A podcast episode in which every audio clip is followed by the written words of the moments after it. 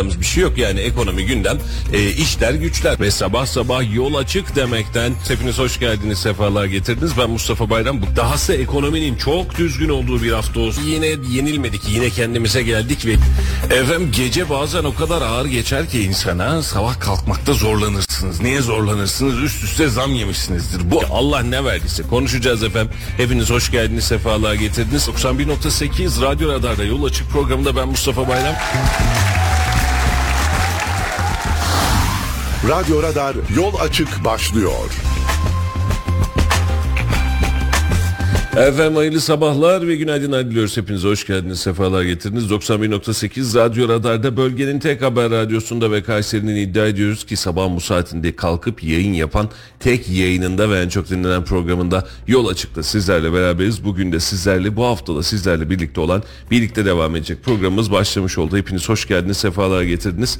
Ee, gündemde ekonomi var, gündemde seçim var, gündemde memleket var ve olağanüstü gelişmeler var ve olağan gelişmeler var ister istemez bunların her birisini bugün de yayınımızda bir şekilde konuşmaya çalışacağız. Ee, yeniden hoş geldiniz, sefalar geldiniz diyoruz efendim. Ee, hemen bir hızlı bir para piyasası turuyla başlamak istiyorum izninizle. An itibariyle dolar kuru 30 lira 27 kuruştan euro ise 32 lira 88 kuruştan bankalar arası piyasada işlem görüyor. Altının ons fiyatı 2026 dolarda Brent petrolde ise kritik eşik çoktan açıldı. 80 doların üzerine çıkan Brent petrol şu an itibariyle 84 dolar 06 sentten işlem görüyor. Borsa İstanbul Cuma gününü faiz kararının da etkisi ve rahatlamanın da etkisiyle 8346 puandan kapatarak %2.16'lık e, bir artışla geçtiğimiz haftayı kapatmıştı. Daha doğrusu geçtiğimiz haftanın cuma gününü kapatmıştı. Orada da 8000 kırılamayan 8000 seviyesinin aşılmış ve hatta bir miktarda rahatlatılmış olduğunu söylemek herhalde şu an itibariyle mümkün.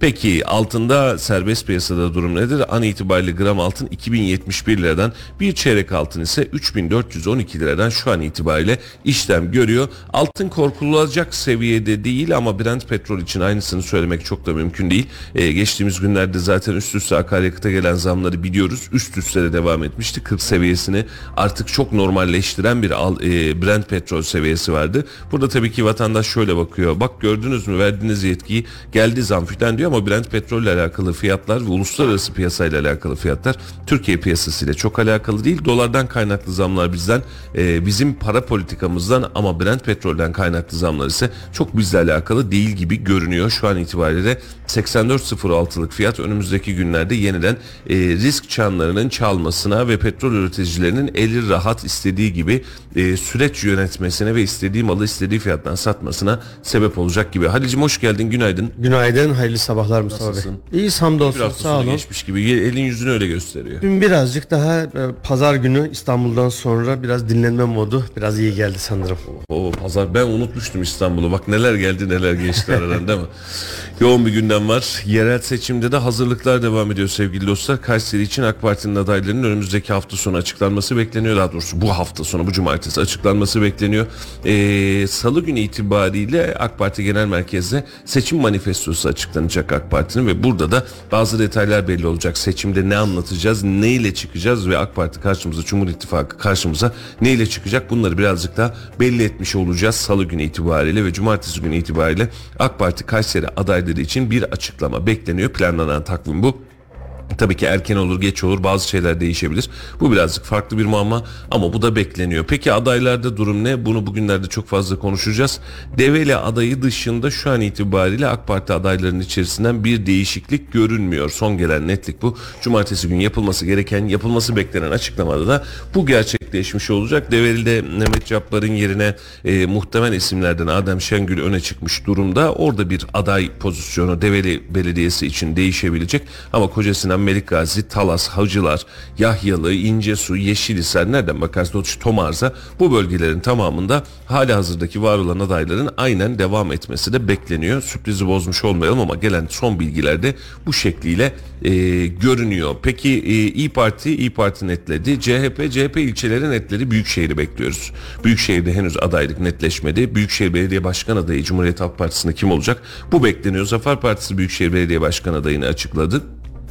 Beraberinde eksik kalanımız var mı diye şöyle bakıyorum. Deva Partisi Ali Babacan tüm büyük şehirlerde kendi adayımızı çıkaracağız dedi ama Açacağız dedi. henüz yok. Deva Partisi'nde büyük şehir çıkmadı henüz. Onu bekliyoruz. Yeniden Refah'ta büyük şehir belli. İlçelerin e, Melik Gazi, Koca Sinan belli. Talas'ta zannedersem ya belli ya belli olacak. Tam emin değilim ondan çok hatırlamıyorum çünkü.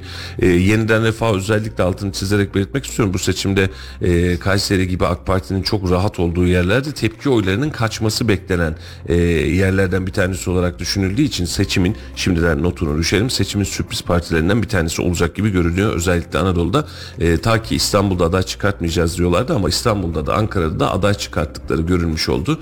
E, onun için oradaki denge Türkiye genelindeki dengeyi de bir anlamda değiştirecek. Bir anlamda e, fark yaratacak gibi görünüyor. E, Kayseri üzerinde de e, CHP'nin Büyükşehir Belediye Başkanı'nı açıklamamış olması sebebiyle İyi Parti'nin Büyükşehir Belediye Başkanı adayı e, Kazım Yücel ismi e, beraberinde karşısında Memduh Büyükkılıç ismi bu iki isim arasında şu an itibariyle konuşuyoruz. Tabii ki yeniden Refah'tan da aday var. Tabii ki diğer partilerden de adaylar var. Ama şu an e, seçimin ana gündemi bu aksızda gidecek gibi görünüyor. Ama önümüzdeki günlerde sürpriz bir aday çıkar. Ortalığı kasıp kavurur. Biz de oturur seyrederiz. Onu da bilmiyorum ama şu anki tablo bu en azından. Evet. Bir ufaktan konuyu değiştireyim e, müsaadenle. Sabah gelirken e, hava sıcaklığının gece biraz e, kar yağmasıyla beraber hava sıcaklığının düşmesi yollarda ara ara buzlanmalara sebebiyet vermiş Mustafa. Ana arterlerde çok fazla bir problem yok ama ara sokaklarda ciddi bir buzlanma var ve ben sabah gelirken işe gelirken maalesef ki maalesef böyle tampon tampona giden araçları da gördüm yine. Ya yapmayın ne olur önündeki arabayla normalde 20 metre 25 metreden aşağı olmaması gereken yerde sanki 1 metre 2 metre e, takip mesafesiyle takip edenleri gördüm. Yapmayın ne olur yani şöyle düşünün önünüzdeki arabanın lastikleri sizden daha iyi olabilir o durur siz duramazsınız. Önünüzdeki araç kaza yapar o durur siz duramazsınız. E, lütfen takip mesafesini e, ciddi anlamda normalden daha fazla bırakalım. Kışlık lastikleriniz yoksa ne olur bir an önce edinin. E, trafik kurallarına uyalım ve takip mesafesini artırarak hızımızı da yavaşlatarak trafikte güvenli bir seyir haline gelelim. Ben bu uyarıyı yapmak istedim müsaadenle. Sabah gelirken gördüğüm manzara maalesef buydu. Görünür tabloda e, bizim trafikte normal seyreden, sakin seyreden, böyle e, tabakhaneye bir şey yetiştirmeyen arkadaşlarla çok rahat bir trafik akışımız var. Ama ne yazık ki bazı çılgın arkadaşlarımız altlarındaki arabanın hiç markasının önemi yok. Yani markaya takılarak söylemiyorum. Böyle tampon tampona, dip dibe, hızlı hızlı, acele acele sanki mesela arkadan selektör yapıyor. Ya arkamda 3, önümde 3 tane araba var. Geçebileceğim bir yer yok. Sen bana selektör yapıyorsun da ne diye uçayım. Yani ne yapabilirim? Yok olmaz hemen sağdan soldan makaslar. Bu arkadaşları terbiye edersek trafiğimizde terbiye edeceğiz gibi ama özellikle söylediğin konuda sana hak veriyorum. Ee, buzlanmanın olabileceği, sürüş kabiliyetinin yavaşlayabileceği böyle bir dönemde insanların bu kadar yakın takip mesafesiyle bu kadar hızlı araç kullanması maddi hasarlı ve bazen de yaralamalı trafik kazalarına sebebiyet verebilir. Bu uzun yola çıktığınız zaman ne de daha rahat bulvarlara çıktığınız zaman canınıza da mal olabilir. Gerek var mı? Gerek yok. Bak işimize gidiyoruz bir ekmek parası. işimizden geliyoruz. Hani görev şehidi derler yani işe giderken başına bir iş geldi trafik kazasında hayatını kaybetti. Ya bunu yaşatmayın insanlara. Bak ekmek parası için işe gidiyoruz. Evde çö bekleyen çoluğumuz çocuğumuz var. Zorlamayın. Bak gidiyoruz. Siz de gidin. Adam akıllı gidelim. Adam akıllı gelelim. Hatırla e, Cuma günü akşam Kayseri dönüşümüzde tam terminal kavşağında sayfamızda da yer aldı. 6 tane araç birbirine girmişti. Evet. Hiç olmayacak yerde biz de şaşırdık ya bu burada böyle bir kaza 6 tane araba birbirine nasıl girer diye kafa yoğurduğumuz bir ortamda bile kaza oluyor. Çünkü o gün de soğuktu. Hafif kara yağışları da vardı. Akşamın geç saati olduğu için de e, yollarda buzlanmalar da vardı. Lütfen yapmayın. Bak sonra bizim sayfamıza haber konusu olmayın. Bir de şimdi burada hazır yeri gelmişken söyleyeyim. Kışlık lastiği takmasam da olur diyen bir grubumuz var. Hiç anlam veremediğim bir grup. Ee, kar yağmıyor yağarsa bakarız diyerek devam ediyorlar yola. Sevgili dostlar e, kışlık lastiğinizi taktırmadıysanız böyle bir havada da yola çıkmayın. En basitinden bunu söyleyeyim. İki, kışlık lastikler sizin sadece kar mukavemetiniz değil beraberinde yağışlı havalarda da yol tutunmanızı sağlıyor. Evet bunun bir masraf olduğunu, buna güç yetmeyecek hale geldiğini, 4 çift lastiğinin yeri geldiğinde 15 bin lira, yeri geldiğinde 50 bin lira olduğunu aracınızın markasına, modeline, boyutuna göre. Evet bunların biz de farkındayız ama bir şey iyiye biniyorsun ve yola çıkıyorsun. Yani burada sadece senin can güvenliğin değil dışarıdaki insanların da can güvenliği önemli. Yapmazsanız iyi olur. Hadi yaptığınız kış lastiği almadan sezonu geçirmeye çalışıyorsunuz. Bak kış geldi. Çıkmayın abi o zaman Çıkmayın. dışarı. Yani toplu taşıma kullanın. Kimseyi de rahatsız etmeyin. Vallahi hiç kusura kalmasınlar. O arabaya alacak param varsa dört tane lastik alacak paran da var demektir. Tabii, tabii, tabii. Paran yoksa velev ki çıkma. İşte fakir dili ve edebiyatına da gerek yok. Yapma hiç, daha hiç kimsenin hakkına girmeye gerek yok. Vay efendim işte Allah'tan. Yok Allah'tan değil senin ihmalkarlığından. Evet. Bazı şeyleri de kadere bağlamamak gerekiyor. Sen tedbirini al da takdire mana bulma diye bir Yeniden Refah var. Partisi'nden e, bir bilgi notu geldi. Büyükşehir Melikgazi, Kocasinan, İncesu, Pınarbaşı, Yahyalı, Sarıl, Yeşilisar, Tomarza, Hacılar açıklandı. Evet Talas henüz açıklanmamış. E, doğru bilmişiz en azından. E, burada da özellikle seçimin ilerleyen günlerinde çok konuşacağımız hadiseler var. E, özellikle eski belediye başkan adaylarını, eski belediye başkanları e, koymuş olması sebebiyle şu an itibariyle e, örneğin diyelim e, Bünyan'da e, durumun dengesi e, yeniden refah adına farklı noktaya gelebiliyor. Yine hakeza İncesu'da Zekeriya Karayolu üzerinde bir miktar maceba dedirtebiliyor. Yeniden refah dediğim gibi bu seçimin sürpriz partilerinden bir tanesi olacak. Bunu göz öne e, göze almak lazım. Ekonomi gündemini istersen bir bitirmek istiyorum. Bakan Şimşek'in açıklamaları var. Emeklilikle alakalı açıklamalar var. E, bunları koru- koruyalım. Hazine ve Maliye Bakanı Mehmet Şimşek ihracatın ana belirleyicisi yurt dışı talep o- olup kurun önemli bir etkisi yoktur paylaşımı yapmış. Şimşek ihracatçıya kur mesajı vermiş sosyal medya hesabı üzerinden e, bir açıklama yapmış. İhracatın ana belirleyicisi yurt dışı talep olup kurun önemli bir etkisi yoktur. 2003-2013 döneminde nominal sepet kur yıllık ortalama %3.3, reel ihracatımız işi ise %7.1 artmıştır. 2018-2023 döneminde ise kur %36.4 artarken ihracatımız sadece %5 artmıştır. Dünya ticaretinden daha çok pay almak ve kazanımlarımızı kalıcı hale e, getirmek ancak verimlilik artışı, inovasyon, yüksek katma değer ve markalaşma ile mümkündür. İhracatçımızı çok güçlü bir şekilde destekliyoruz, desteklemeye devam edeceğiz ifadesini kullanmış. Şimdi Şimşek aslında bizim mobilya fuarında da çok konuştuğumuz hadiseye bir cevap vermiş. Yani kur politikası ile alakalı durumumuzdan dolayı biz dün 500 dolara sattığımız ürünü bugün 700 dolara satmak zorunda kalıyoruz. Bu bizim ülkemiz açısından normal ama yurt dışı açısından ne yapıyorsunuz efendim siz denilecek durumda. Çünkü 500'e sattığın yurt dışında da 520 olur. Hadi çok zorladım 550 olur. %10 e, ki çok marjinal bir fayda, marjinal bir yükseklik. E, ama bizdeki rakamlar bu hadise değil. E, bizim ihracatçımızda yana yana imalatçımızda yana yana şundan yakınıyor. Kur piyasası şu an itibariyle örnek olarak veriyorum dolarda 30 lirayla dan biz satın alma yapıyoruz ama biz malı alırken neredeyse 35-38 psikolojisiyle alıyoruz. Yani herkes ürün fiyatını, ürün gamını buna göre oluşturuyor diyor ve bu nedenle de ihracatta sıkıntı yaşıyoruz. Mal göndermekte sıkıntı, rekabette sıkıntı yaşıyoruz diyor. Şimşek de diyor ki dünya ticaretinden e, daha çok pay almak için diyor verimlilik artışına, inovasyona, yüksek katma değer ve markalaşma ile bunu yapabilirsiniz diyor. Yoksa bu işi yapamazsınız diyor. Aslında bizim de hep konuştuğumuz hadise markalaşıp artık 3 dolar mı 1 dolar mı üründen kazanacağız demek yerine markanın etkisiyle 50 dolar 100 doları nasıl kazanırsın derdine bakmamız lazım demiştik. Hep bunu söylemiştik.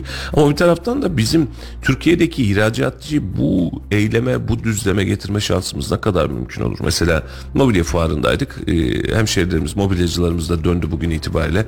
Bir kısmı işe döndü, bir kısmı henüz dönemedi bile. Yani akşam fuar topladılar. E şimdi bakıyorsun yatak üretiyoruz abi. Şimdi yataktaki inovasyonu bir yere kadar çıkartabiliyorsun ama piyasadaki rekabet çok kızgın. Yani ve işin içerisinde Çin gibi bir faktör var mesela seni. Çok fazla üretici var. Aynen öyle. Ve Çin hiçbir şey olması yurt dışı piyasasında seni alt üst edebiliyor. Nakliye fiyatları, navlun fiyatları değişmediği sürece en büyük rakibimiz Çin gibi görünüyor. Şimdi buradan çıkalım bir markalaşma eğrisine doğru geçelim diyorum. Ne var elimizdeki markalaşanlar? Mesela Anadolu Holding gibi şu an eski Boydak Holding gibi, İstikbal gibi markalarımız var. Markaların pazar düşümü de bu kadar rahat değil. Onlar da artık pazar fiyatlarına indi. Yani böyle yüksek fiyattan, yüksek rakamdan satayım da rahat edeyim istemediğim derdine düşmüyor. Nasıl çıkacak ihracatçı bu işin içinden? Ee, ben birazcık zorlanıyorum. Bakan Bey'in söyledikleri doğru ama kısa vadede bunu çok hızlı yapmamız, inovasyon, marka değeri falan oluşturmamız çok hızlı zamanda da çok da mümkün değil gibi görünüyor. Kısa vadede e, yapması oldukça zor. Bakan Bey'in söylediklerine tamamen katılıyorum. Tek katılmadığım nokta arz talep dengesiyle beraber diğer tüm bileşenleri bir anda kenara koyup da sizin ürününüze oluşan taleple birlikte olur demek biraz eksik bir cümle. Ee, Biz fuara gittiğimizde yani belki 70-80 firmayla e, oturup uzun uzun konuşma fırsatımız oldu bulunduğumuz 4 gün içerisinde ve sözleşmiş gibi benzer cümleler kuruyorlar. Birbirinden bağımsız, birbirini tanımayan işletmeciler aynı cümleleri kuruyorsa e, o zaman bir yerde farklı bir şeyler var demektir. Şimdi biraz önce konunun başına söyledin diyor ki örnek veriyorum yani rakamları da atıyorum 100 dolara ben e, yatak satarken, koltuk kanepe satarken diyor e, artan maliyetlerle beraber tamam dolar olarak aldığım ürünler var ama TL olarak aldığım da bir dünya var. Hiçbir şey olmasa personel maaşları TL ile ve ciddi anlamda da artıyor. En son %50 arttı. Ben bunu diyor ürünüme yansıtsam ne yapacağım diyor. 100 dolardan 110-120 dolara çıkarmam gerekiyor. Çıkardığım anda da diyor bu sefer yurt dışında enflasyon yok ki. Sende var adamlarda diyor 10 yıldır aynı fiyattan gidiyor. Kolay kolay değişmemiş. Bu sefer diyor bana sürekli mal sattığım, sürekli ticaret yaptıklarım ya ne oluyor? Senin ülkende enflasyon olabilir de bizim burada yok. Bak senin alternatifin var diyorlar diyor. Geçen sene bugünlerde Şubat ayında hatta Şubat'ın 28'i diye çıktı. Dolar kuru 18 lira 88 kuruşmuş. Hacım. Şu an 31 liraya yaklaşmış durumdayız. Yani aslında dolar %60, üzerinden 65 oranında %60, artmış. %65 üzerinden artmış görünüyor. Ama ihracatçının gözündeki pozisyon ve şu anki çıkartmış oldukları maliyetler sebebiyle bunu söyleyebilirim ki sadece bizim yerli ihracatçı değil ithalatçıda da var aynı sıkıntı. Mesela ithalatçı ürünü getirmiş, ürünü satıyor. Ürünün bedeli ne kadar? Normalde 1000 dolara satılıyordu bu ürün. Diyor ki artık 1100 dolar. Diyorsun ki ya zaten 1000 dolardan satıyordun yıllardan beri. Dolar da fark etti. Sen bana benim yereldeki maliyetlerim çok arttı diyor. Yani burada e, suni ya da gerçekçi bir e, enflasyon oluştu ister istemez ve dolar üzerinden dahi üzerine bir enflasyon kurmuş olduk ve şu an bakıyorum e, 18.88 geçen yıl bu zamanlarki ortaya koymuş olduğumuz şey Dolar kuru. dolar kur. Ama öbür taraftan bir bakıyorsun hiçbir şey olmasa asgari ücret geçen sene tam bu zamanlar 8500 lira değil miydi? Evet. 11400 olmadan önce 8500 liraydı. Bugün 17000 lira. %100 artmış. Ama senin dolar kurun %60-65'lerde kalmış. Bu sadece e, personel maliyeti olarak değil. Birçok kalemde bu böyle oldu. Bak kurumlar vergisinin oranları değişti. KDV oranları değişti. E, Hiçbir sen- şey yerinde durmuyor. Yakıtın, Tabii ki. yakıtın oranı değişti. Ons fiyatı olarak da şey Brent olarak da bakacak olsan yakıtın oranı da değişti. E, Ulaşım tabii oranı ki da değişti. yani yakıt da değişti. Şimdi birazdan bakarım. Geçen sene tam e, Şubat'ta ne kadarmış yakıt? E, bu senin nakliyeni etkiliyor. Her şeyini etkiliyor. Senin tüm maliyetlerin yüzde yüz artmış. Hatta daha fazla artmış. Çünkü bir taraftan ham maddeye ulaşmak da o kadar kolay değil. Orada da ciddi artışlar var. Yani bir aldıkları malı ertesi ay aynı fiyattan alamıyorlar. 5-10 5-10 5-10 üzerine eklemeler yapılıyor. E, %100'ün üzerinde maliyet artışın var ama senin dolar kurundaki satışın e, sana dönüşü %60-65. O aradaki %40'lık minimum %40'lık fark ne olacak? İki tane ihtimal var. Ya fiyata yansıyacak Ya fiyata ya yansıyacak. kardan düşecek. Kardan böyle bir yüzde kırklık bir kar var mı? Hakikaten onu bilmiyorum. Ama yüzde elli bile olsa 40'ı gitti kaldı o. Bu arada akaryakıt geçen yıl bu zamanlar bu seviyelerdeymiş. 80-83 dolar civarındaymış akaryakıtın Brent petrol fiyatı. Şu anda da 84 dolar. Yani Tamam TL olarak ne kadarmış acaba? Ona ona, ona bakarsam dolar kuruyla bakmak lazım. Şimdi e, buradaki mesele Bakan Şimşek'in açıkladığındaki mesele şu ihracatçıya kur mesajı veriyor. Diyor ki bak diyor senin kurunun diyor yani e, kurun oluştuğu pozisyonun senin ihracatınla alakası yok diyor. Biz diyor işte atıyorum 2003-2013 döneminde e, reel ihracatımız %7.1 artmış. Kur artışı diyor sepet kuru diyor 3.3 artmış diyor. Yani siz burada yanlış düşünüyorsunuz diyor ama grafik aslında aynısını söylemiyor Halil. 2021-2022 sezonunda özellikle 2020'nin sonu itibariyle yani bizim yüksek kur politikasına geçiş yaptığımız faiz sebep enflasyon de, sonuç dediğimiz dönem itibariyle reel ihracat büyümesini yüzde yirmilere kadar e, ortalama e, toparlamışız, çıkartmışız. Yani bizim o ani ve yüksek kur hadisemiz bizim ihracatımızda müthiş bir ivmelendirme yaşamış. Aslında sanayicinin ihracatçının sıkıntısı da bu. Şu an itibariyle gelmiş olduğumuz seviye bizim 2015-2016 seviyelerimize benzer. Yani suni bir şişme yaşadık. Bizim paramız değersizleşince ani bir şişme yaşadık. Bu ani şişmeden ihracat tadını çıkarttı ve güzel ticaret yaptı. Ama totalde bakmış olduğun zaman, geriye dönüp bakmış olduğun zaman şu an gelen 2023-2024 seviyemiz 2016-2017 seviyelerimizde hemen hemen aynı. line Yani biz arada bir e, hayal gördük ve yeniden başa döndük. Aynen. Mazot da 23 liraymış. Geçen sene 23, 1 Şubat. üç. 23 TL'ymiş. Şu an 40'ı bulduk mu mazotta son zamlarla? zamla 41 lira falan oldu. Geçti mi 40'ı? Tabii. Ben elektrikliye geçince mazottan haberim yok. benim. Valla biz de çok fazla takip edemiyoruz artık. Ama elektrikte de şu var biraz ciddi anlamda şimdi bizi dinleyicilerden de elektrikli araç sahibi olanlar mutlaka vardır. Ee, onlarda da aynı sıkıntı var. Menzilde ciddi bir düşme oluyor. Yapacak bir şey yok abi. Yani öbür taraftaki yakıt fiyatını görünce Allah'ım çok şükür ne kadar güzel bir Ay şey yine yapmışız tabii filan ki diye söylüyoruz. işte. Benzinle, mazotla, maliyetle kıyasladığın zaman şu an düşmüş hali bile inanılmaz karlı. Hele hele normal böyle Mart'tan sonra ciddi anlamda 7-8 kat e, fark ediyor. Evet. Ee, orada bir sistem oturacak muhtemelen. Ee, yani onu da sadece arada bilgi diye geçeyim. Şubat'ın 25'i diye açıklamışlardı yanlış hatırlamıyorsam. Ee, Toyota'nın özellikle de markasıyla beraber söyleyeyim çok iddialı bir e, şeyi vardı. Elektrikli araç segmenti duyuracağını söylemişti. Ee, ve daha uzun menziller daha hızlı e, şarj süresi diye. E, beraberinden Çin'den gelen haberler çok çok daha efektif bataryaların üretildiğini gösteriyor. Evet şu an elimizdekiler ya müthiş harika böyle yani biniyorsun o 5000 kilometre adını unutuyorsun filan denilecek cinsten değil. En, en baba yiğit katalog verisiyle giden 500-600 kilometre gidiyor. Yola çıktığınız zaman kış vaktinde 300 kilometre ancak gidersiniz. Yaz vaktinde 400 Buradan. Ankara buradan Ankara'yı zor görüyorsunuz. Yani kışın. öyle. Yani biz İstanbul'a da aynı araçla gittik geldik. Üç şarjla gidebiliyorsun yani arada yetişebilmek için. Bu bu işin reali. Yani buna yapacak çok fazla bir şey yok. Ama teknolojisi değiştikçe mesela ben tok sayısında da çok ciddi bir artış görüyorum piyasada. E, tok alanlarında memnuniyet ve memnuniyetsizlikleri var ama e, tok sürücüleri için de elektrikler yani şikayetiniz sadece TOG'a bağlı değil. Şu an segmentindeki tüm marka ve araçlarda kışa bağlı olarak bir menzil düşüşü yaşanıyor. Ufak tefek teknik problemleri var. Ama gelişecektir diye umut ediyoruz. Gelişmese de ne yapalım biz yanlış yapmışız. Olan bu. Geçtiğimiz hafta efendim Borsa İstanbul %4.37 artmış.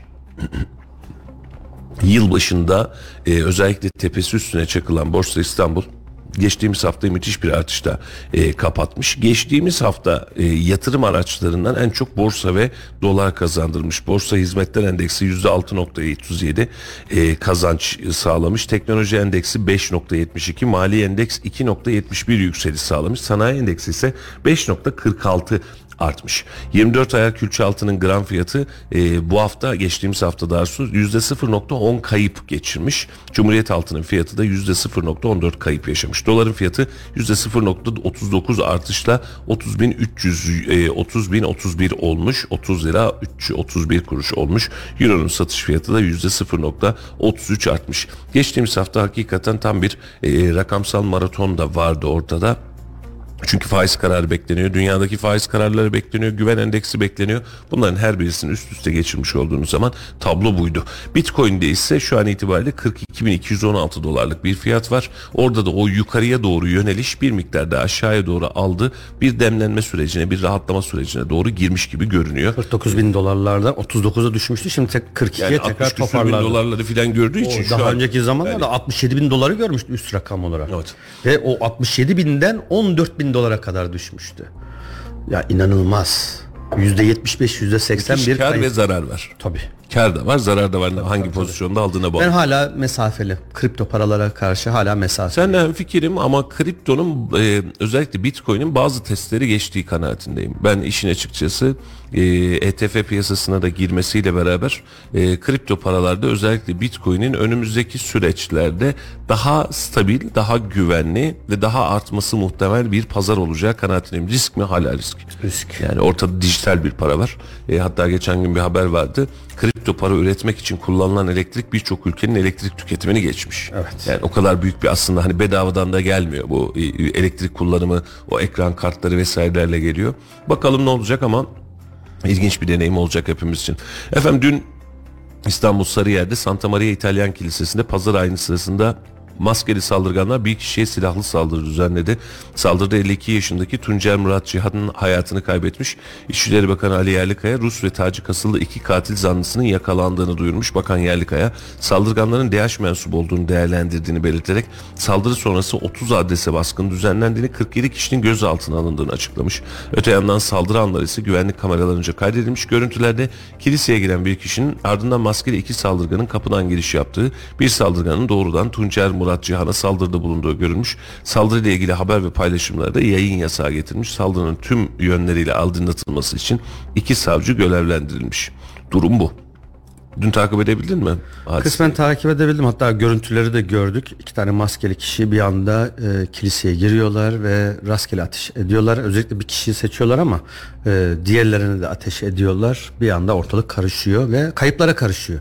Ama emniyetimiz ellerine sağlık. 24 saat geçmeden birkaç saat içerisinde e, suçluları yakalıyor, gözaltına bir kişi alınıyor. ben görüntüleri seyretmedim. Tek bir kişi mi hedefte yoksa genel Yok bir genel, kişi genel, genel. Genel e, rastgele ateşler de var. Herkes işte orada tabii kilise böyle oturma düzeni, sandalyeler falan var ya hepsi yere kapaklanıyor. Bir kişi maalesef hayatını kaybediyor. Sonrasında da arkalarına dönüp yani hepsi bir 5-10 saniyenin içinde oluyor. Arkalarına dönüp hızla uzaklaşıyorlar. Ee, IŞİD zaten üstlenmişti saldırıyı. Sonrasında açıklamada biri Rus kökenli öbürü Tacikistan kökenli iki kişi gözaltına alındı. Ee, Yüzde yüz onlar mıdır bilmiyoruz. Tabii bu emniyet güçleri var. Ama işte e, durup dururken böyle bir şey hiç akla hayale gelmeyecek. Birdenbire böyle bir e, İtalyan kilisesi enteresan işler dönüyor. Ee, yine böyle hani uluslararası e, ilişkileri etkileyen bir diğer unsur da dün biliyorsun Ürdün'deki Amerikan üssüne yapılan saldırı. İstersen onu bir açıklayayım, bir haberini Tamam. okuyayım. Ürdün'de Amerikan güçlerine e, saldırı gerçekleştirmiş. 3 asker öldü. 34 asker yaralandı. Ürdün'ün kuzeydoğusundaki Amerika'ya ait bir askeri üsse insansız hava araçlarıyla saldırı düzenlendi. Saldırı sonucu 3 Amerikan askerinin hayatını kaybettiği, çok sayıda askerin de yaralandığı belirlenmiş.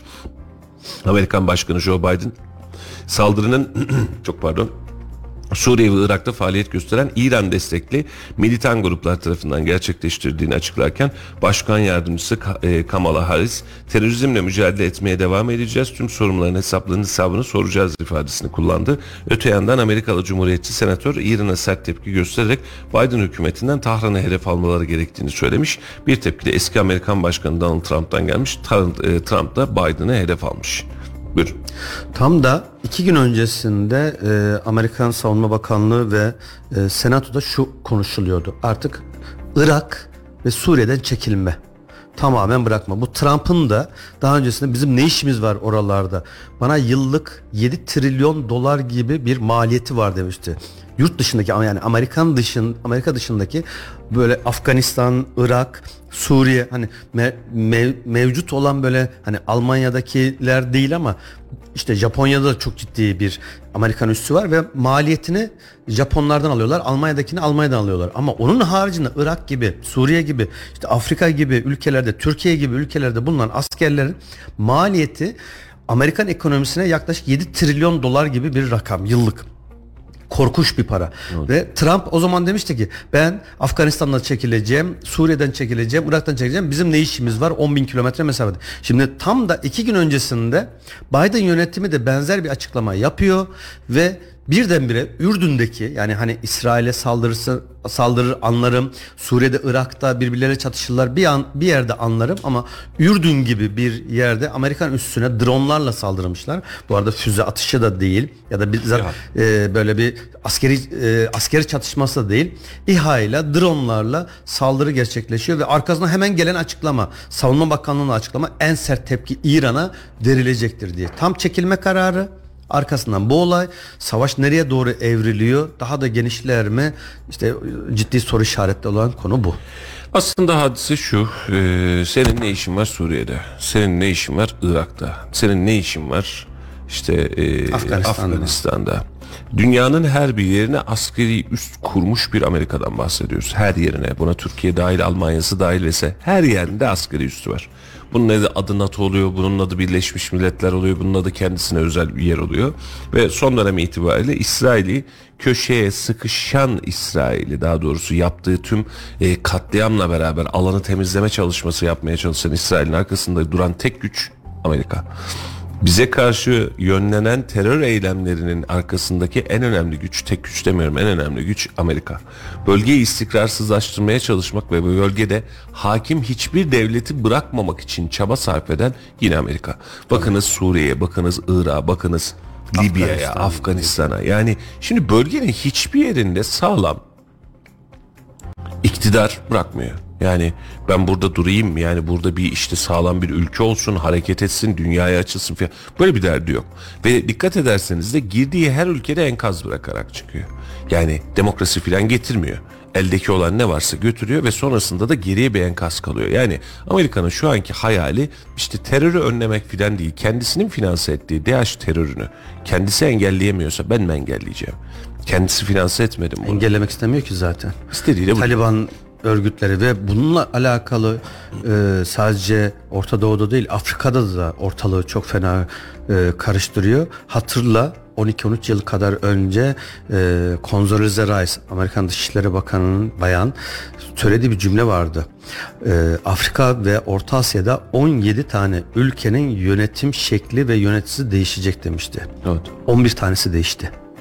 Bunun içinde Fas, Cezayir, Libya, Mısır, Suriye, Irak bir sürü e, ülke vardı ve bun, buradaki amaçlarına da ulaştılar. İşte adına bir Arap Baharı dediler. Bir tane genç e, kendini Fas'ta yakmasıyla beraber canlı canlı yakmasıyla beraber sokaklar kan gölüne dönmeye başladı ve sonrasında Mısır'da darbe darbe girişimi yapıldı ve başarılı oldu. 2011'in sonunda 2012 miydi? Ee, Mursi'nin hükümetten indirilip yerine Sisi'nin geçmesi Suriye'de iç savaşın çıkması Irak'taki olaylar bak hepsi eş zamanlı oldu. 2013'te de bizde gezi olaylarının başlaması öncesinde yaşananlar işte 2007'de Cumhurbaşkanı kriziyle beraber askeri e, e-muhtıra dediğimiz sonrasında 2016 yılında 15 Temmuz yani bunların her biri birbirleriyle bağlantılı olduğunu anlamamak mümkün değil. Yapıyorlar ve ortalığı birbirine karıştırmaya devam ediyorlar. Söylediğin gibi İsrail'in de en çok arkasında duran yine kendileri çekilme kararı almaya konuşurken tekrar bir daha savaş. Bir taraftan işte Yemen'de Husiler oradaki e, geçiş yolunu Hürmüz Boğazı'nı kontrol edebilme. Aslında olay tamamen enerji ve de dünya ticaretine yön veren hat üzerine hakimiyet. Evet. Tüm aslında planlamalar bunlar ve bunların hiçbiri de kısa Sadece vadeli enerji değil. ve e, bu hat üzerindeki hakimiyet değil. Bölgenin hiçbir zaman ayağa kalkmaması olduğu kanaatindeyim. yani buradaki enerji ihtiyacı hani şöyle dünyanın geri kalanının kullanacağı enerjiyi, petrolü bu bölgeden alıyorsun ve bu bölgenin içerisinde hiçbir iktidarı sağlam bırakmamaya çalışıyorsun. Evet burada enerji önemli bir hadise.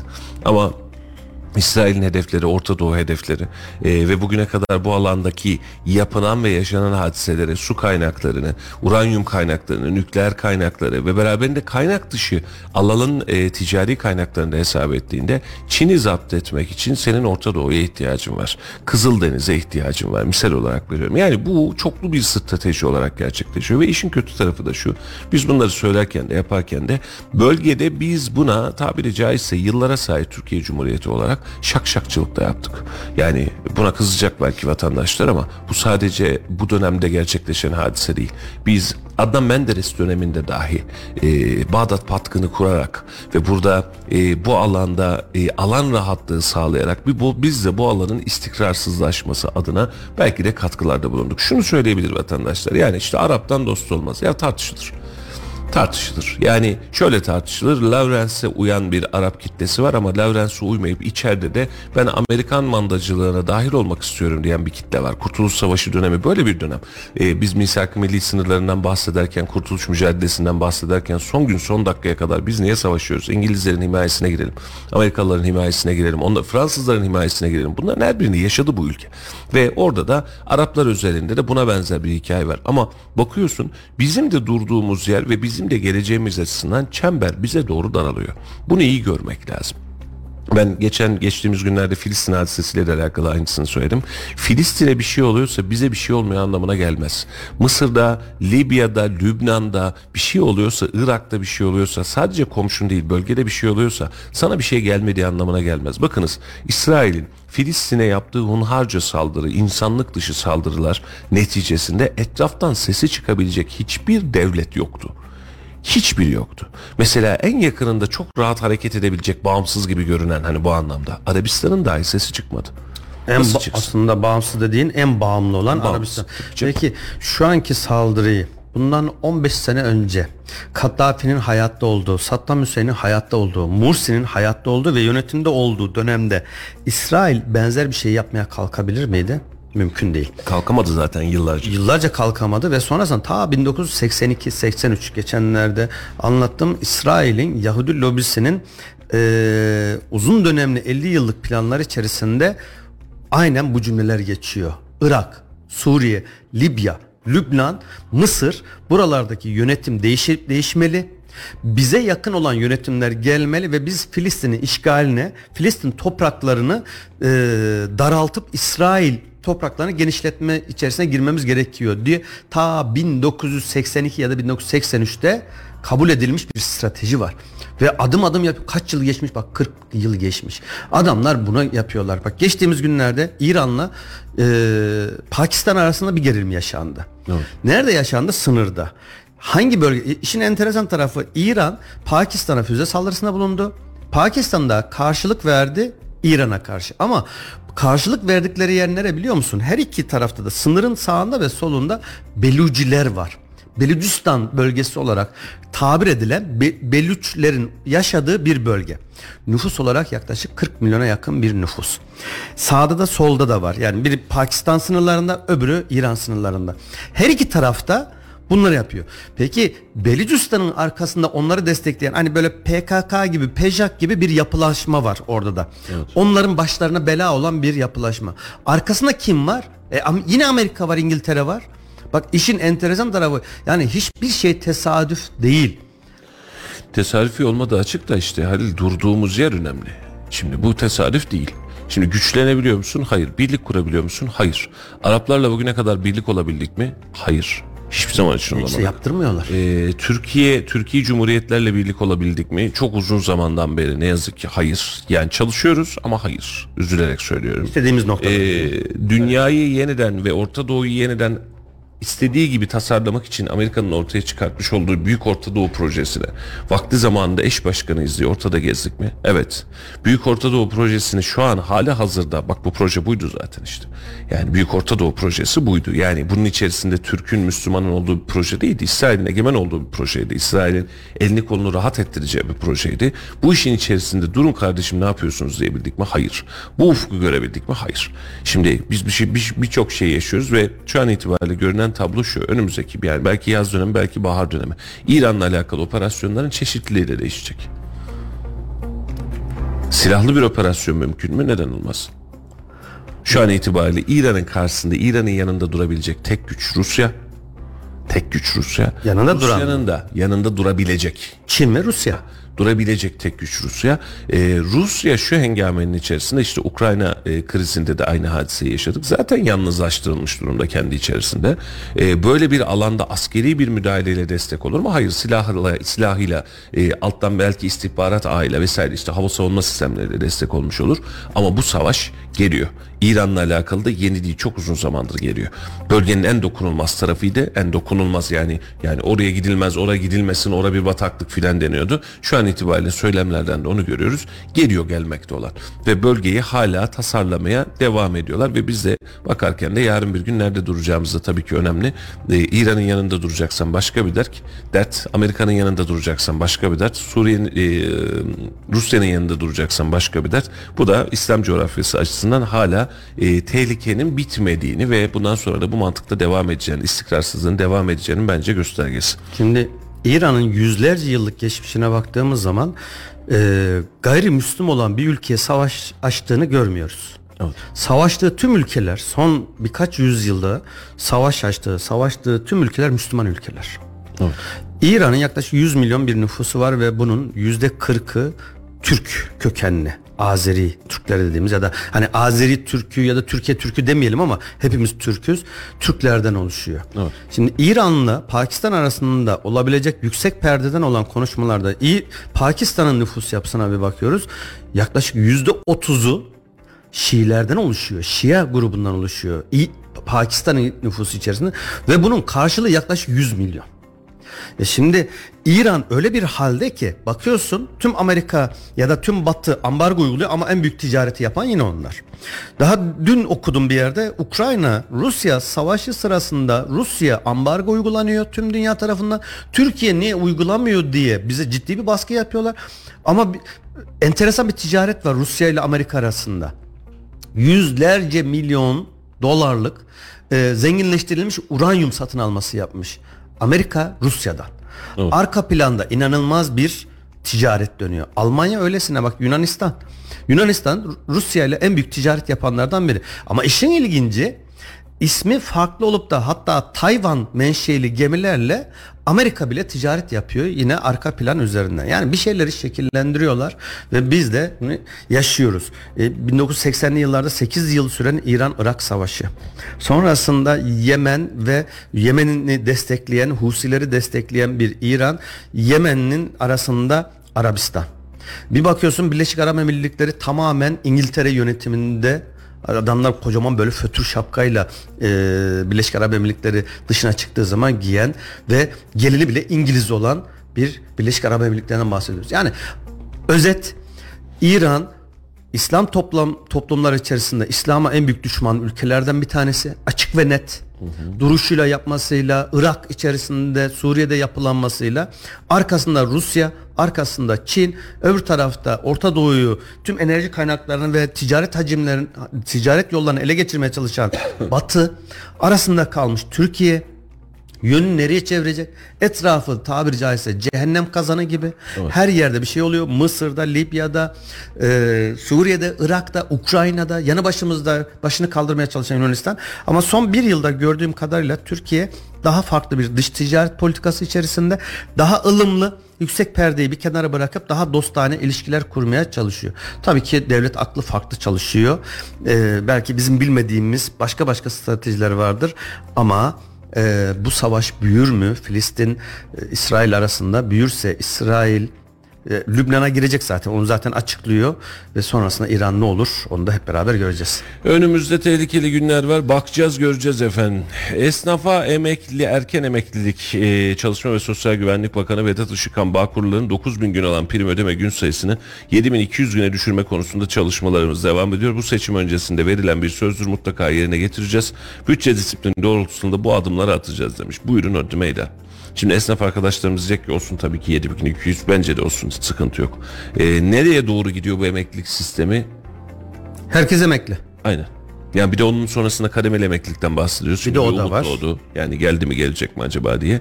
Emeklilik sistemi üzerinden kendimizi alt üst ediyoruz desek herhalde çok daha bir şey olmayacak. Ya, Hükümet ve olmayacak. muhalefetin herhalde ana konusu e, emekliler üzerine vaatlerden oluşuyor. Evet. Murat Kurum'un bir açıklaması da vardı. Geliri iyi olmayan, emekli olup da emekli maaş olup da geliri ya da hayat standart yani fakirlik statüsünde olanlara da diyor ilave 2500 lira vereceğiz belediye bütçesinden diyor. O da seçim vaadi bak. Murat Kurum veriyor bunu İstanbul özelinde. Yani önce şey mi bu? Önce yokluğa düşüreceğiz sonra parayla e, şey mi edeceğiz? Vaat mi vereceğiz? Mi galiba. vereceğiz? Oraya Buna doğru gidiyor, gidiyoruz. gidiyor. Garip garip. Ya hakikaten garip. Yani kimse kusuruma bakmasın. Bu işin sonu çok rahat değil. e, çok da rahat gitmiyor. Yani emeklilik üzerinden ve insanların cebine para koymak üzerinden yapılabilecek siyasi anlaşmalar ve siyasi sürecin memleketi getirdiği durum ortadadır. Emeklilik dediğimiz sistem şu an itibariyle çöktü. Neredeyse çöktü. Yani asgari ücretin yarısı kadar maaş alan emekliden bahsediyorsunuz. İşte 10 bin oldu taban diyorsun. Yani babama dün baktım maaşına 10 bin 300 küsürlü 10 bin 300 lira işte gelen maaş hepsi o. Yani şimdi bu adamın %5 dahil mi hariç? e, %5'i hani sanırım hariç. Halicim, sanırım hariç. Hadi 500 lira da oradan gelecek işte hepsi Yani o. 11 bin lira. Şimdi bu adamın e, var olan süreç içerisinde yani evi kira değil çoluk çocuk kalmadığı okutacağı bakatacağı ama torunlarıma 550 lira aylık maaş veriyorum dese parası kalmaz. Değil Yok mi? yani biter. Evet. Gerçekten biter. Yani sen sistemi bu hale getiriyorsun. İyi, Adam zamanında işte doğmuş, yaşamış, 3-4 evlat edinmiş. Sonrasında bir bakıyorsun bedava veriyor. Mesela yine kurum üzerinden öğrenci evlerine aylık 25 metreküp doğalgaz, doğalgaz desteği vereceğiz diye bir haberi var. O da vaat. Bu da var. Ee, İBB Başkanı kurum seçimi kazanmaları halinde öğrenciler özel su tarifesi ilk kez evlenen gençlere 50 bin lira beyaz eşya desteği her öğrenciye yıllık 10 bin lira burs vereceğiz. Toplu ulaşımda %40 indirim yapacakları vaadinde bulunmuş kurum. Memleketine giden öğrencilerin bilet parasının yarısında e, yılda iki kez ödeyeceklerini ve öğrenci evlerine aylık 25 metreküp doğalgaz desteği vereceklerini söyledi. Doğalgazın metreküpü ne kadar biliyor musun? Yani parasal değeri ne kadar acaba? Yani en son- 100 lira mı 300 lira mı? devlet 25 metreküp destek verince 200 liraya falan mı denk geliyordu? Yani Öyle bir şeydi. Hayır ne yapıyoruz biz onu anlamadım ki. Ben Bol şimdi- keseden dağıtıyoruz. Tabii, tabii ben şimdi şeyden de bekleyeyim o zaman. Hani Kayseri Büyükşehir Belediyesi'nden de bekleyeyim aynısını. Öğrencilere özel su tarifesi çıkartın diyeceğim. Var diyecekler. Onlar biz yaptık diyecekler zaten. İlk kez evlenen gençlere 50 bin lira beyaz eşya desteği. Nasıl yani? Sebep? İlk kez evlenen, ikinci kez olursa olmuyor. İlk kez evlenirse olacak. Hani O bu var. ilk evim ikinci evim var ya ona benzer. her öğrenciye yıllık 10 bin lira burs. Yıllık 10 bin lira. Yıllık Aylık 10 bin lira. Yıllık. Şimdi dün mü ondan önceki gün bir hadise vardı. Sadece Kayseri'de ilk orta öğretim yani totalde üniversite harcı bahsetmiş. O 180 bin tane öğrenci var. Var Evet, mıymış bu kadar? Var. 180 bin tane öğrenci var. Vereceğiz diyor. Toplu ulaşımda yüzde 40 indirim yapacağız diyor. Zaten zarar ediyor ulaşım. Tüm memlekette, tüm ülkede zarar ediyor. Tabii. Yani Sadece zaten- Kayseri'de de İstanbul'da da zarar ediyor. Hayır yani çok e, canımız sıkılıyorsa gelin şu toplu ulaşım bedava yapalım. Veren vermeyen alan almayan belli olsun. Biz de biletlerden düşmeyelim. Hadi hep beraber gidelim. Oraya doğru gidiyor. Sonu yok ki bu iş. Ya bir hikaye var ya. Çok özür dilerim. Çok kısa anlatayım. Bir hikaye var. Maraş diye söylenir. İki tane otobüs işletmesi kendi arasında fiyat rekabeti yapıyorlar Mustafa. Bu kısmı iyi dinleyelim. İşte atıyorum Maraş İstanbul arası kaç lira? 750 TL'den yaparken bir tanesi diyor ki işte A firması e, Maraş diyor şey arası İstanbul arası 600 TL. Öbürü de durur mu? 500 lira. Aradan bir iki hafta geçiyor. 400 lira, 300 lira, 100 lira derken bedava diyorlar. Öbürü de bedava diyor. Ama yine de bir rekabet var. Bir diğeri yapıyor şey yapıyorlar. e, ekmek arası helva veriyor. Yolculara ücretsiz. Zaten bedava götürüyor bir de onunla. Sonra işletme sahibi diyor ki ya şu diyor yolculara bir gidelim ne oluyor? Ne yapıyorlar? Memnun mu değil mi? Rekabet kızışmış. Yolcular birine soruyor nasıl diyor. Ya her şey iyi güzel de diyor. Ekmeğin arasına helvayı az koyuyorlar diyor. Biz şimdi o noktaya doğru gidiyoruz. Tabii canım. Bedava üstüne veririz. Daha fazlasını ne yaparız? Daha fazlası ne yaparız? Bu işin sonu yok ki. Ya bak bu şimdi şöyle Halil e, Murat Kurum üzerinde değil yarın bir gün Ekrem İmamoğlu da belki benzerlerini söyleyecek ya bilmiyorum. Mutlaka. Şimdi bunun bir sonu olmalı ve bunun bir derdi olmalı. Yani şimdi mesela e, ev her evlerine 50'şer bin lira beyaz eşya desteği vereceğiz. 50 bin liraya ne alınır? İşte bir buzdolabı alınır herhalde değil mi? Ya da çok sonradan iki parça alınır. En ucuz desen iki parça Peki parça. belediyenin görevi mi? Değil. Her evlenene. Değil. Niye yapıyoruz? Her evlenene mi diyor ihtiyaç sahibi mi diyor? İlk kez evlenen gençlere 50 bin lira beyaz Ha, eşya herkese. İlk evlenenlere. Dememiş. Ha yarın bir gün meclisten geçerken ilk kez değil işte belli bir gelirin altında bizim şu e, Tayyip Erdoğan'ın cep telefonu hadisesine dönerse telefon desteği hadisesine o olmayacak bu olmayacak poşet olursa o geçmez 10 bin liraya geçmeyecek işte 3 üç tane telefon var bunlardan alabilirsin kıvamına dönecekse bilmem ama tablo bu. E, her öğrenciye yıllık 10 bin bak, bak bu önemli her öğrenciye yıllık 10 bin lira burs vereceğiz. İlkokul dahil. Bilmiyorum her öğrenciye de. Üniversite öğrencisidir herhalde. Üniversite Bilemedim. olsun. Ya, üniversite öğrencisine 10 bin lira burs vereceğine ulaşımı düşüreceğim diyeceğine üniversite öğrencisine biniş kart ver bedava gitsin gelsin. Çünkü Herhalde İstanbul'da en az 500 bin üniversite öğrencisi var mıdır? Dünya kadar üniversite Rahat var. vardır canım her yer üniversitede o. Tabii. İş çıldırmış durumda. Gittikçe gidiyor. Şimdi emeklilik meselesinde de aynısı oldu Halil. Ee, uçtukça uçuyoruz. Ve açık söyleyeyim iyi gitmiyoruz. Şimdi bedava verilecek hadisenin karşılığında kaynağın niteliğini netliğini veriyorsam ben bunu anlarım. Bak ben sana şöyle bir organizasyon yapacağım. Bunun karşılığında şöyle bir kar elde edeceğim. Bunu da sana bedava vereceğim. Ha bu bahsetmiş olduğu bütçeler belediyeyi yıkmaz. Yani ödenmeyecek, mümkün değil, çok para diyebileceğimiz bütçeler değil Belediye İstanbul Büyükşehir Belediye bütçesi açısından. Hemen açıklayayım. Ama buradaki hadise şu. Şimdi sen şimdi bunun bir sonraki levelinde şunu dersen anlarım. Mesela ben müthiş tasarruf yapacağım. Belediyedeki tüm israfı engelleyeceğim. Bunu da vatandaşıma atıyorum su faturalarını daha ucuz almakla çözeceğim. Bunu anlarım.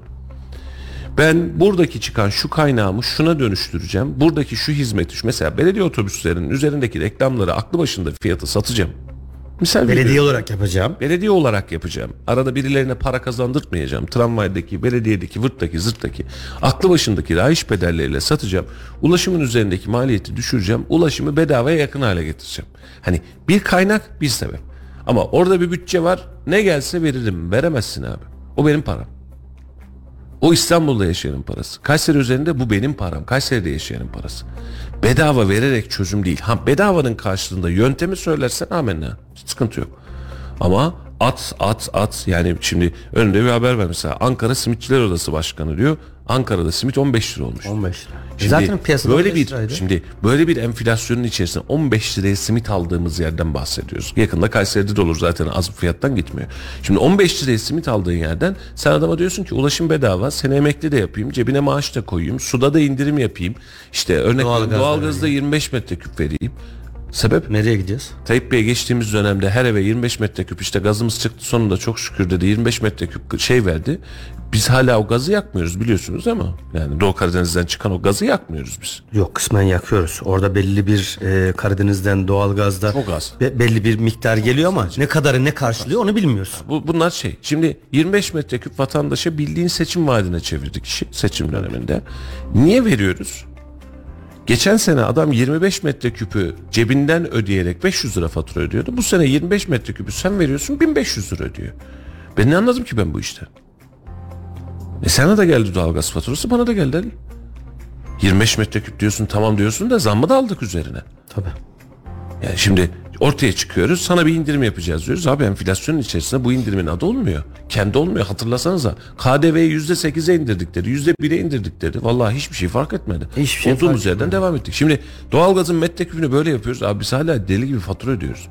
Bak dün faturalar birikmiş. e, görmemiş otomatik ödemeden çıkmış. Su faturaları. Ödüyorum kafayı yedirtiyor bana. Dün bak aynı konuyu konuştuk. Dün e, su faturası gelmiş. Daha doğrusu cumartesi gelmiş de biz dün gördük. Bizim eve 435 TL e, su faturası gelmiş. Elektrik faturası 390 lira. Su faturası 435 lira. Dün gördük. Ya diyorum ki hanıma ya biz mi bir şey bir yerde bir kaçak mı var? Su mu akıyor? Bir yerlere mi akıyor? Ya elektrik parasından daha fazla su faturası olur mu? Hatta böyle girişe de şey koymuşlar Hamam böyle. işletiyorsunuz. Faturaları böyle e, 37 daire var bizim binada. Üst üste koymuşlar. Asansörde bekliyoruz. Şöyle bir bakalım dedik. Hani bize 435 lira da bizde mi bir hata var? Diğer binaları haklarını helal etsen şöyle bir baktık. 400 liranın altında hiç yok 1000 lira var. 800 lira var, 1200 lira var bizim binada. Allah Allah ya biz bahçeli evde oturup da çim mi suluyoruz? Bostan mı ekiyoruz? Ne yapıyoruz? 435 lira bir eve ki 3 kişi yaşıyoruz.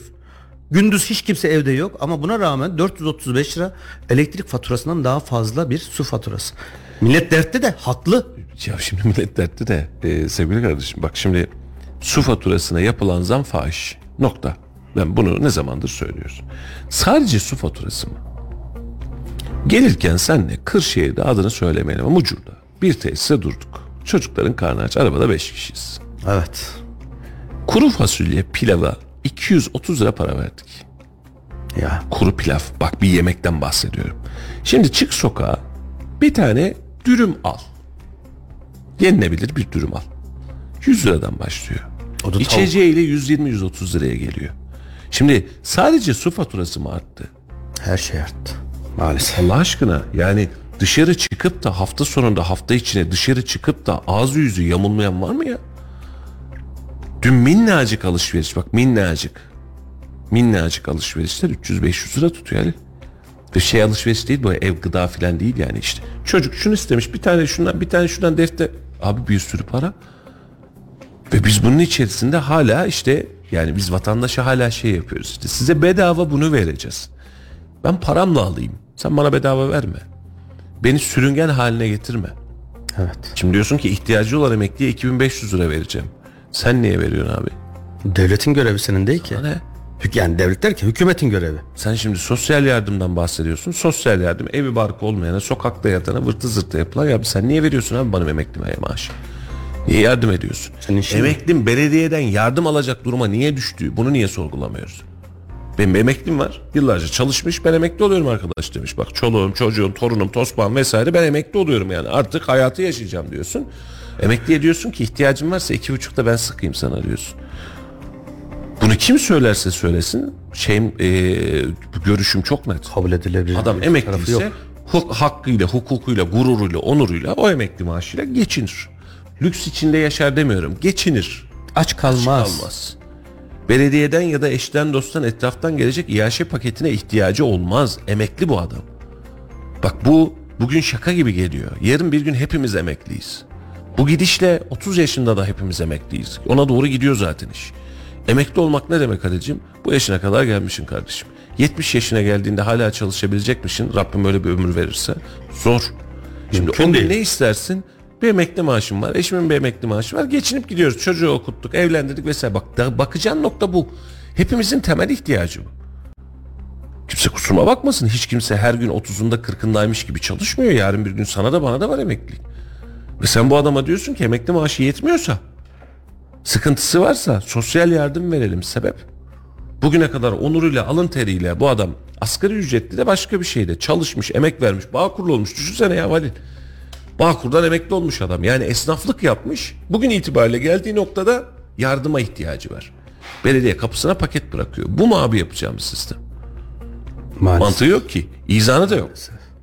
Ama seçim vaatleri konusunda açık söylüyorum. Yani bunu kim söylerse söylesin eleştireceğim. Kaynağı yoksa, mesneti yoksa, açıklığı yoksa, bol keseden A kesesinden ağalık yapmak denir buna. O kese benim, senin değil. Benim ya. 1900 Vatandaşın, milletin yani. 1991 yılındaki seçimlerde Demirel ne demişti? Kim ne veriyorsa 5 fazlası. Ya bu işi bu noktaya getirmeyin bak 30 küsür sene geçmiş arada. Aynı noktaya biz tekrar geliyoruz. Murat Kurum'un açıkladığına göre de dün yine haberdeydi. Aklımda yanlış kalmış olabilir. İstanbul Büyükşehir Belediyesi'nin 2024 yılı bütçesi 416 milyar TL. Evet. Dolar karşılığına kadar bakmadım. 416 milyar TL. Bütün bütçesi. Diyor ki Murat Kurum. Bizim diyor şu hazırladığımız projelerin maliyeti 56 milyar dolar diyor. 56 milyar dolar. Kaç lira yapıyor? Ne bileyim. 1 trilyon 600 mü? Yaklaşık.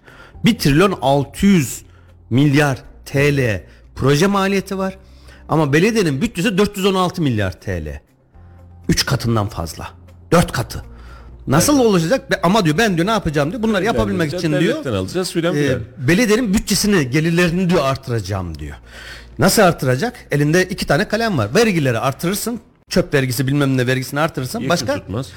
İmar Yekün tutmaz. İmar açacaksın. Başka yolu yok. E, o zaman sen her tarafı imar açacaksın. Zaten İstanbul'da e, nokta yer kalmamış. Bina yapılmayan hiçbir yer kalmamış. Nereye doğru gideceksin? Ormanlara doğru gideceksin o zaman. Şile'ye doğru gideceksin. Kilyos'a doğru gideceksin. Başka gidecek yer yok. Bak şu an hiç kimse bahsetmiyor. Orada müthiş derecede bir rant döndü. Ee, Kanal İstanbul ne oldu abi? Hala proje. Ne an belirsiz. seçim döneminde konuşan Kanal Hiç kimse İstanbul'u? konuşmuyor. Ne oldu? Bekliyoruz. Şimdi bak aklı başında ayağı yere basan bir iş yaparsın ya da yapamazsın. Biz Kanal İstanbul'dan bahsettik bir iki önceki seçimde ya. Derdimiz Kanal İstanbul'du. Şu an adını anan yok. Evet. Kimse konuşmuyor. Demek ki ee, bir şey ortaya atıyorsun seveyim inananı yani öyle öyle olmuyor iş. Ve e, bak şu bir başka haber gözüme çarptığı için konu gündem bu değil ama NTV bir haber yapmış. İnşaat ustası maaşları İstanbul için 100 bin lirayı bulmuş. Evet ben de dün gördüm onu. Mühendis, Ama- usta maaşı mühendis maaşlarını geçti diye haber Ama başlığı vardı. biz 10 bin liraya emekli geçindirmeye çalışıyoruz. Çok güzel. Yani bu adama emekli etmeye, emekli sen kal burada demeye çalışıyoruz. Garip kuraba işler. Seçim birazcık farklı geçecek sevgili dostlar. Ee, biz bilinçli taksirle e, olayı değerlendirmeye çalışıyoruz. Size anlatmaya çalışıyoruz. Tabii ki karar sizlerin. Ee, şu, asla şunu seçin, şunu seçmeyin, bu olsun, bu olmasın demedik. Rabbim de dedirtmesin. Bu bizim alanımız da değil. Bu bizim bakış açımız da değil. Ayrı bir hadise. Ama hangi parti olursa olsun, kim olursa olsun, kim kazanacak olursa olsun e, A bütçesinden ağlık yapmanın da önüne geçmek zorundayız. Yani böyle bir dünya yok. Yani şu bedava olacak, bu buradan olacak, bu buradan olacak. Ya abi peki ne olacak sonra? Nereye kadar gidecek bu bedava? Şimdi emeklilerde bir bakıyorsun işte e, Bağkur emeklisine gün sayısını çıkartacağız. Kademeli emekliliği düşünüyoruz konuşacağız. Verdik EYT'liye verdik gördük günümüzü. EYT'liler emekli olmadan önce umut ettikleri maaşla bugünkü maaş birbirine bir mi? Bir yerden Sistemi- çıkacak o bütçe. Ya bak sistemi çökertiyoruz. Sistem içinden delik deşik olmuş durumda ve popülist kültürün etkisiyle biz Allah havara hagar hap ya nereye kadar gidecek bu iş? Yani sen belediye bütçesinden ulaşımı böyle yapacağım. Buradan böyle yapacağım. Burada abi mantık koy bana karşısına. Bir mantık koy ben dedim ki ya evet haklısın. Mesela ulaşım problemini çözeceğim 20 tane daha otobüs alacağım 40 tane daha tramvay alacağım bunu anlarım. Bu ulaşım problemini çözmek içindir. Ama sen hem bunları yapacaksın hem ulaşımı rahatlatmaya çalışacaksın hem %40 buradan indirim yapacaksın. Evleneceğe para vereceksin öğrenciye para vereceksin. Bunun anlamı şu burada bir belediye başkanımız var o gönlü zengindir. Belediyeye giren hiçbir zaman boş çıkmaz derdi. Yani bir, bir şey tutuşturur üzerine. E ne yapacağız? Her belediyenin önünden geçen para mı vereceğiz? Trink trink. Belediye böyle bir yer değil. Bu bütçe vatandaşa hizmet etmek için kullanılan bütçe. Yani vatandaşa yol yap, kaldırım yap, altyapısını toparla, gelecekle alakalı bir şey yap. Bir şey yap. Vatandaşa para vermek nedir ya? Nedir abi bu? Biz nereye doğru gidiyoruz biliyor musun? Hani dedin ya biraz önce nereye doğru gidiyoruz diye. Ben son iki seçimdir, yerel ve ulusal seçimdir. Gideceğimiz yer e, herhalde bu mantıkla gidersek iki seçim sonra komünizme döneceğiz. Komünizmde biliyorsun herkes devlete çalışır. Her yer devletindir. Senin evin, araban bile devletindir. Sen sadece kullanırsın. Bunlar için ayrıca bir bedel ödemezsin. Senin her şeyin ücretsizdir. Elektriğin, suyunu indir. Sen çalışırsın. Ya bu gidişin sonu bu her şey bedava yaparsan bir yerden gelir elde edilecek. E o zaman senin evine de arabana da el koyacaklar. Bunların her şeyi devletin sen de çalışacaksın. Gidişat buna doğru gidiyor maalesef. Sosyalizme ve komünizme doğru gidiyor. Yani vatandaş bundan alıyor diye vatandaşa yani siyasetçi birazcık akıllı olur. Birazcık gelir memleket ufkunu dönüşür. e, düşünür. Şu an itibariyle bedava verelim de oy versin de kalanı sonrası kolay diye geçiyoruz. Efendim e, gündemin sonuna geliyoruz. Yarın yeniden görüşeceğiz. Bu akşam da basın masasında geçen hafta yapamamıştık İstanbul günleri sebebiyle fuarları sebebiyle. E, bu hafta Kürşat kardeşimle basın masasında da e, sizlerle birlikte olacağız. Memleketin siyasi gündeminde değerlendirmiş olacağız. Arkadaşlar sokağa Türk yapımı diziler hakkında ne düşünüyorsunuz diye sormuş. Eee neydi? O gün bir yazı vardı. Bir yanımız diyor şey e, Alper Gezer Avcı ile Uzay'ı bir yanımız e, Dilber'le pavyonu e, çözüyor. Türkiye'nin gündem özeti bu. E, hakikaten öyle. Bir de şu Türk yapımı dizilerin neye mal olduğunu ve vatandaşta ne etki oluşturduğunu gösterelim, anlatalım. E, ama bu dönem şunu da söylemek istiyorum özellikle. E, Rütün tüm engellemelerine rağmen ki gereksiz buluyorum bu engellemeleri. Kızılcık Kızıl Goncalar. Kızıl Goncalar. Kızıl Goncalar dizisini segmentinde ve konusunda çok başarılı buldum. Ben de. Şimdi tarikatlar, cemaatler bunların hassasiyetleri. Burada her şey kötü, her şey iyi demeden orta dengede. Ee, hatta Halil'in de çok takıldığı P eşittir Q sahnesi vardı değil mi? Muhteşem bir tespit. İzlemeyenlere o sahneyi izlemelerini tavsiye ederim. Burada hiç kimseyi kötülemeden ama bazı malzemeleri hatta keşke böyle dizilerimiz çok çok daha fazla olsa. Çünkü bu insanların görmediği tarafları da bakmadığı tarafları da bakış açılarını da değiştirebilecek formatlar. Ama ülkemizde ne yazık ki bambaşka bir dünyaya çıkıyor. Şimdi hakeza yani ben çok dizi fanatiği bir adam değilim ama konusu ve e, absürdiyeti eğer müsaitse dizi seyretmeyi seviyorum. E, mesela çok fazla konuşulmuştu o pavyon sahnesiyle e, neydi İnci Taneleri miydi? dizinin adı? Yılmaz Şimdi Erdoğan. orada yasaklanması konuşuluyor. Ee, bak ben o dizi üzerinde de e, şunu söyleyeyim. Önümüzdeki dönem ne getirecek bilmiyorum ama Yılmaz Erdoğan e, eski günlerine dönmüş. Müthiş nükteler var. Müthiş derinlikler var. Şimdi şimdi pavyonu göstermek istemiyoruz diyorsunuz ya. Ankara İstanbul'a gittiğinizde bir grup sabah akşam gece gündüz bu pavyonda yaşıyor. Sen burada alkol mü diyorsun. Burada bir grup Kayseri üzerinde de bir grup gece gündüz alkolle yaşıyor. Senin görmek istemediğin ya da senin içinde bulunmadığın şey yok anlamına gelmiyor. Yani sen kafanı kuma soktun diye dünya karanlık falan olmuyor. Şimdi bu tarz içerikler, bu tarz yapımlar gayri ahlaki tutumları e, veya topluma işte mesela o dijital platformlarda yaşıyoruz. LGBT örneğindeki o e, çok iğrenç diyebileceğimiz her işin içerisine sokulmuş durumlardan çıktığında başka bir şey var. Yani bizim Türk dizilerinde, Türk yapımlarında en azından bu segmentleri birazcık daha toparlayabiliyoruz.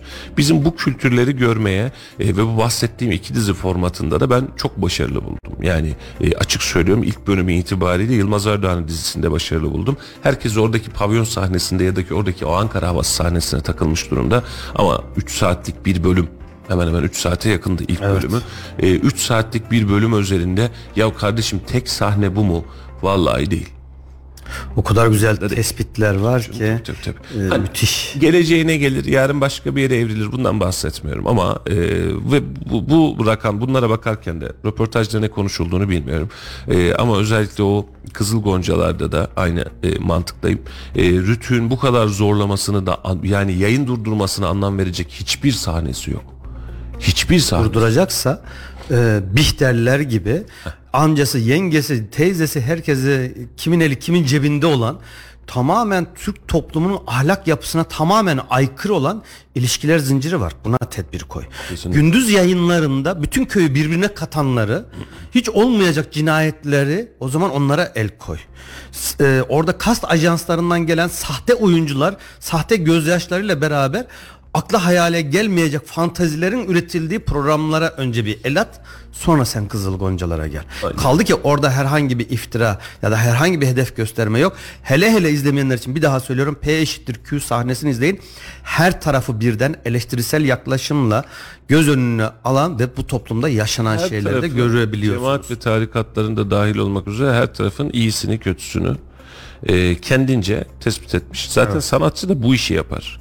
Yani senarist ya da yönetmenlerden bakarsan bak zaten bu tespitleri yapar kendi. Yani ben sana mutlu görüneyim demez. Benim gördüğüm açı bu der. Bunun için bir yapım yapar sen de seyredersin ya da seyretmezsin. Bu tercih senin olur.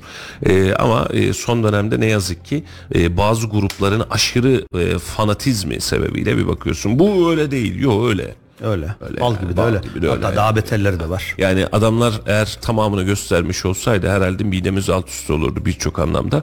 E, iki taraf için de söylüyorum bunu. Hani yok arkadaş bu böyle değil geçin bunları e, memleket biliyor.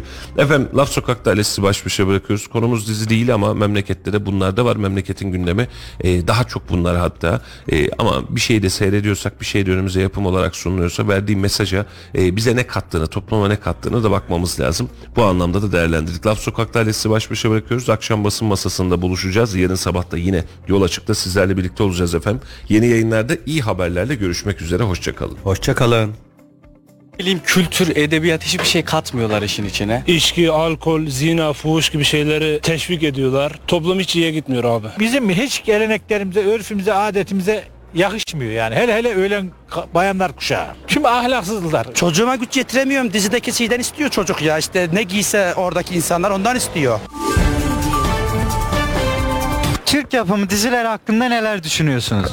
Ya Türk yapımı dizi deyince e, dünya çapında izleme oluyor. Özellikle Hindistan, Endonezya. Ya birçoğu beğendiğini söylüyor ama Türk halkına da bir sormak lazım. Türk diziler hakkında ne düşünüyorlar? Aile toplum yapısı var. Türk gelenek, göreneklerine göre. E, aile toplum yapısını bozan birçok Türk dizide mevcut bulunmakta. Yani buna bir çare bulunması lazım. Yani kendilerine bir çeki düzen vermeleri lazım. Peki televizyonda ne tür dizilerin oynamasını isterdin?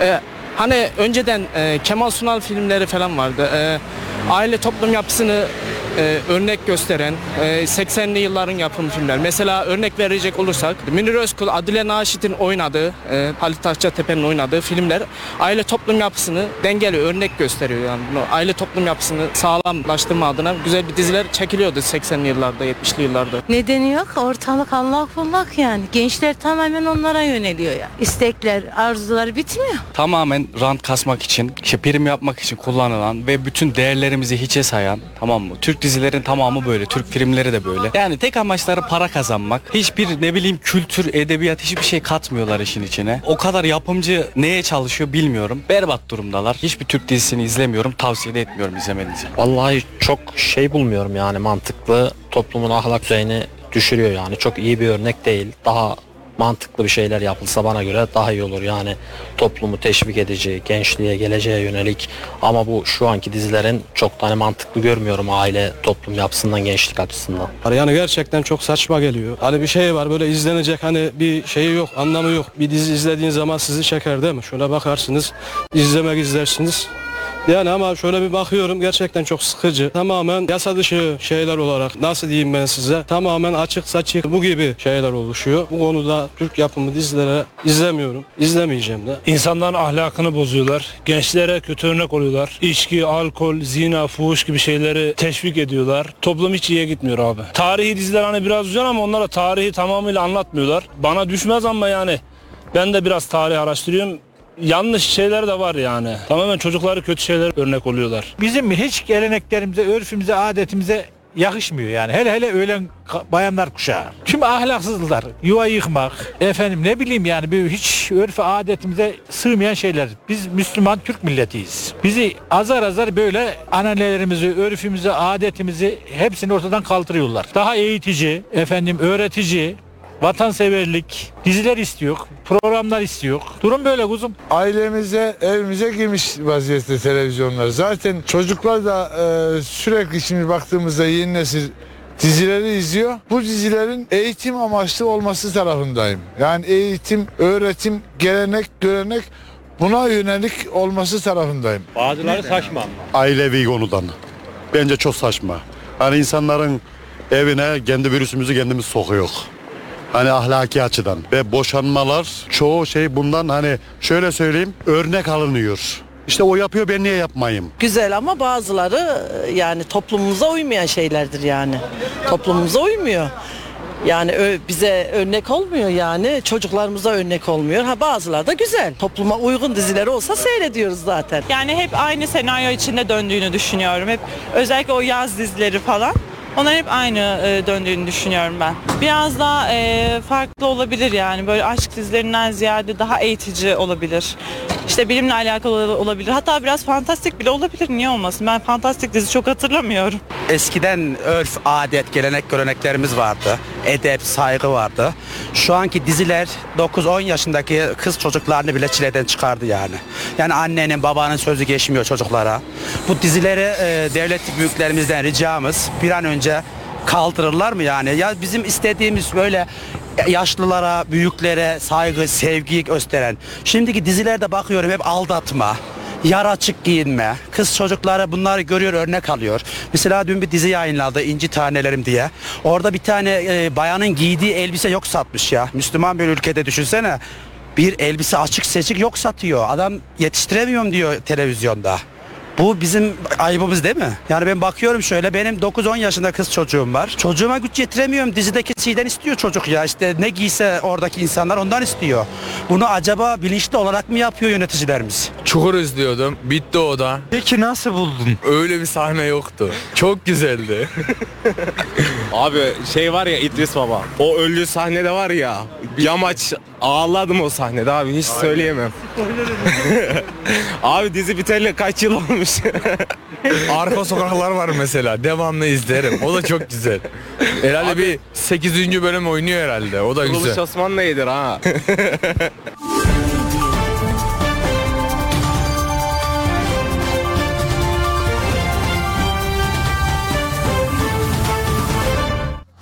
Radyo Radar yol açık sona erdi.